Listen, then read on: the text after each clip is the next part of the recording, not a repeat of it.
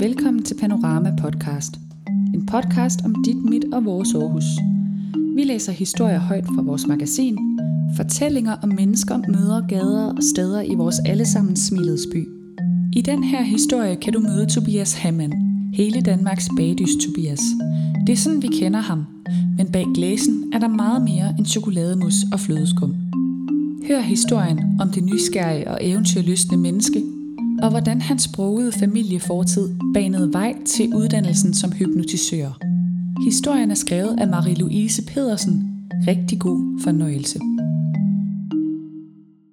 På kanten mellem drømme og virkelighed. Farven blå er kendetegnet ved at have en beroligende effekt på psyken. Måske er det derfor, at Tobias Hammands soveværelse er malet i en dyb kongeblå, og derfor hans beklædning i dagens anledning er koordineret i selv samme farvetone. Roligt bliver mødet med Kage Tobias, der med en åben dør tager imod os i sin lejlighed i Aarhus Centrum. Med valget mellem chokolade med smag af gin eller hampefrø, starter fortællingen om en Tobias Hammand, som vi umiddelbart ikke kender fra DR. Eventyret startede i Silkeborg, hvor han trygt voksede op i en kernefamilie fyldt med kærlighed og frihed til at drømme stort. Som seksårig besluttede Tobias Hammands familie sig for at tage et halvt år ud af kalenderen, før han startede i skole, købte et folkevognsrugbrød og kørte sammen til Tyrkiet. Udlængslen og nysgerrigheden på, hvad der gemmer sig ude i verden, fik han ind fra barndommen, og efter sin gymnasietid på Silkeborg Gymnasium greb han muligheden for at udforske den. I min opvækst var der tryghed ud over alle grænser, og jeg tror altid, jeg har tænkt, at det ikke kan passe, at verden er sådan her.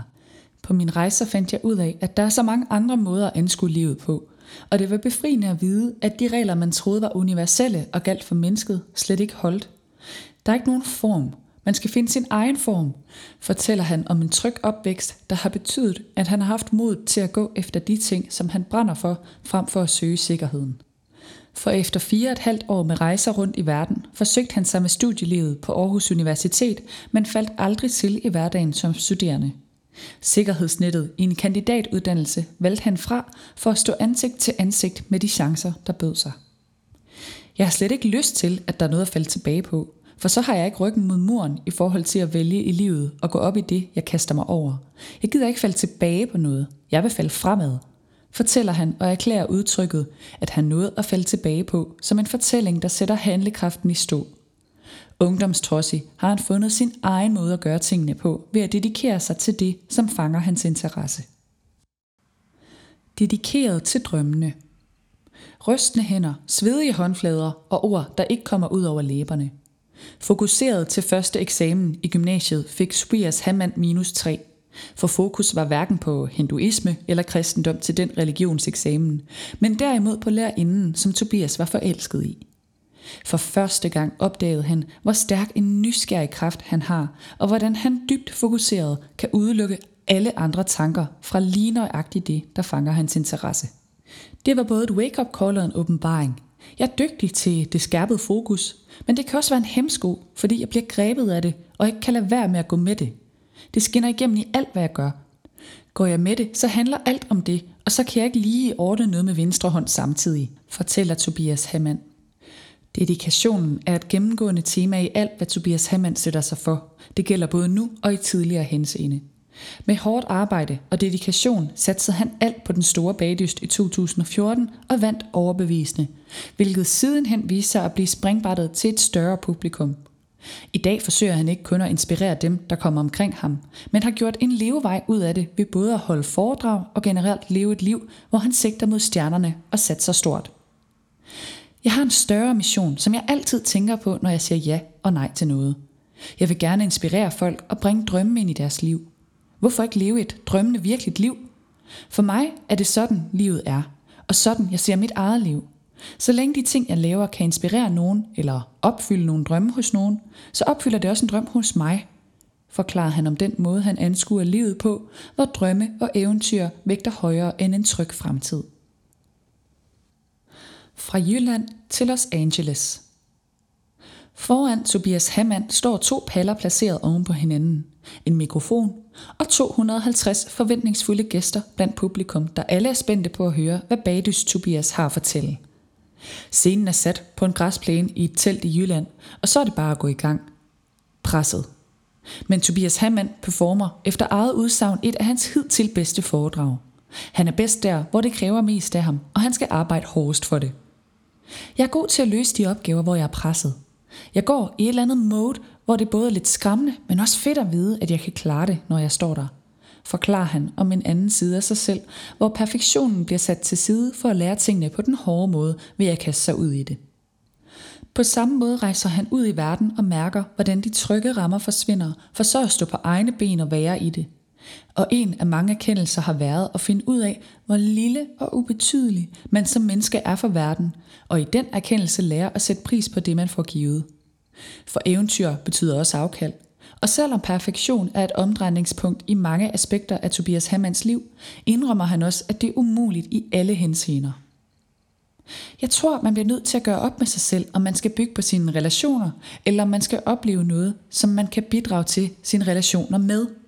Man kan ikke få det hele, og både være en trofast ven, som ens venner altid kan komme til, hvis man også vil udsætte sig selv for eventyr, inspireres og leve ustruktureret. Jeg har nok bare erkendt, at det er sådan, det hænger sammen, og at det er okay ikke at være perfekt i alle henseender, fortæller Tobias Hammann. For ham er det vigtigt at have levet et eventyr, og han tror på, at lysten til at sætte i et lavere gear og lade hverdagen blive mere struktureret nok skal komme på et tidspunkt. Og selv om han det her efterår har været mere i Danmark og været tættere på en hverdag, end han har været i mange år, har han stadig været ude og smage på verden. Det er både blevet til en sponsoreret tur til Sydamerika og en længere rejse til USA, hvor han uddannede sig til hypnotisør på Banyan Hypnosis Center i Los Angeles. Under forløbet var han på optagelser til en DR-dokumentar omhandlende uddannelsesforløbet samt hans forhold til sin morfar, hypnotisøren Ali Hamann.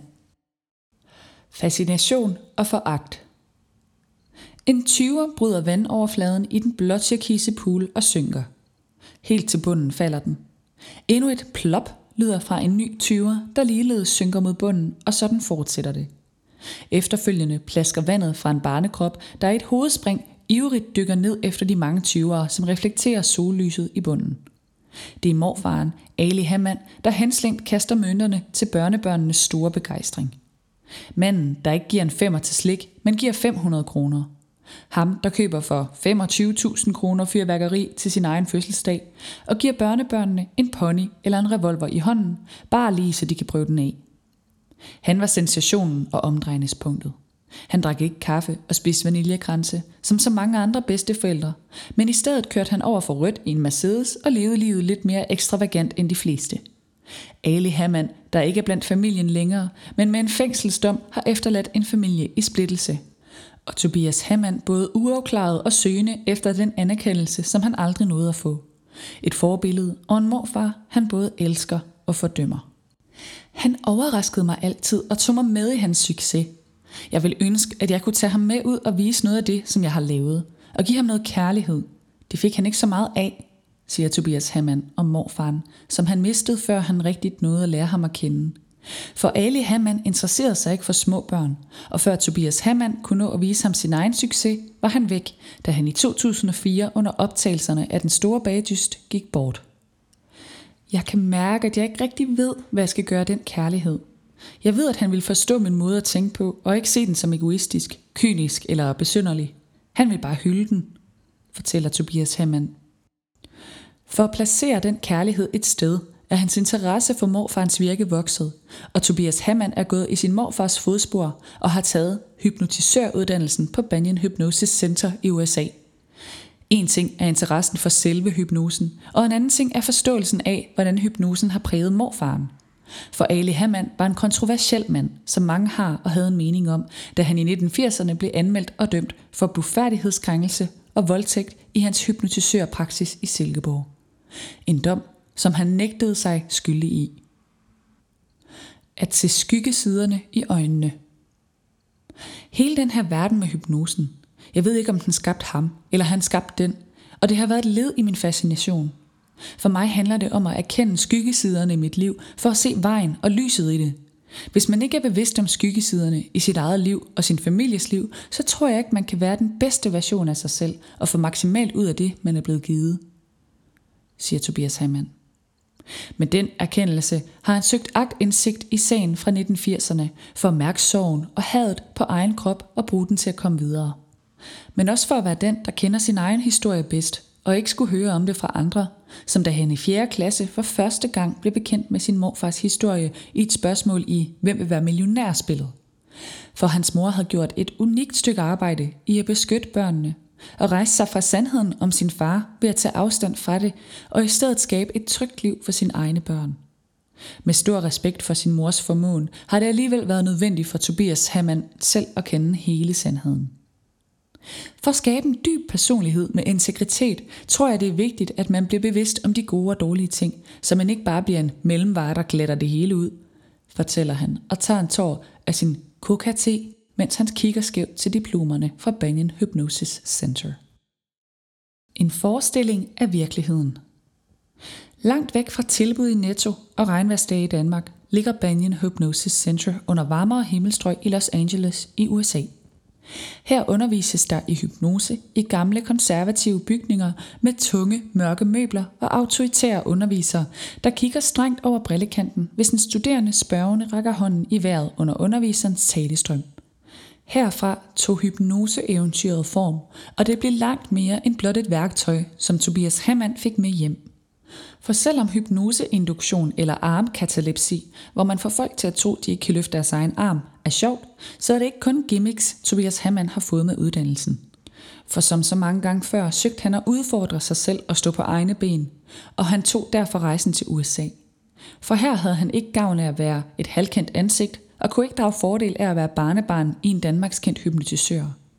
På den måde blev rejsen både en test af egne evner og en måde at finde afklaring i mysteriet om hans morfar, for at finde ud af, hvordan hypnosen havde haft indflydelse på ham som menneske. For som Tobias Hammann forklarer, arbejdes der i hypnosen med menneskets forestilling og virkelighed. To ting han mener hænger uløseligt sammen. I arbejdet med forskellige patienter gik det op for ham, at forskellen mellem de to ting kan være meget lille, og at menneskers virkelighed handler om, hvad de har valgt at putte ind i den. Med den erkendelse så han, at han som hypnotisør kan hjælpe folk til at se virkeligheden i et andet lys. Men samtidig mærkede han også, at man let kan nå til et stadie, hvor det er svært at skelne mellem virkelighed og forestilling. Det blev en form for åbenbaring, der hjalp ham i hans forståelse af den uforløste sag om hans morfar. Åbnet for en ny verden. I hypnose kan man ikke få folk til noget, som de egentlig ikke vil, men man kan godt ændre folks forestilling af, hvad de har lyst til. Det tager bare lang tid. Det er ikke fordi, jeg stiller spørgsmål ved sagen, eller om min morfar har gjort det eller ej. Men det er lidt en gråzone, og det er der, at det som hypnotisør er vigtigt at være bevidst om virkeligheden og om rigtigt og forkert, fortæller Tobias Hammann. Det betyder også, at ens virkelighedsbillede kan ændres alt afhængig af, hvilken forestilling man tager udgangspunkt i. Fortæller man sig selv nok gange, at noget er på en bestemt måde, kan ens virkelighed ændres fra en forestilling af virkeligheden til en anden. Det er som om, at der er en underverden, der har åbnet sig for mig.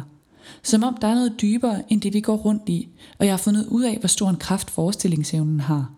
Det har været helt nyt for mig at tale til folks underbevidsthed, og ikke til deres bevidste jeg, fortæller Tobias Hammann.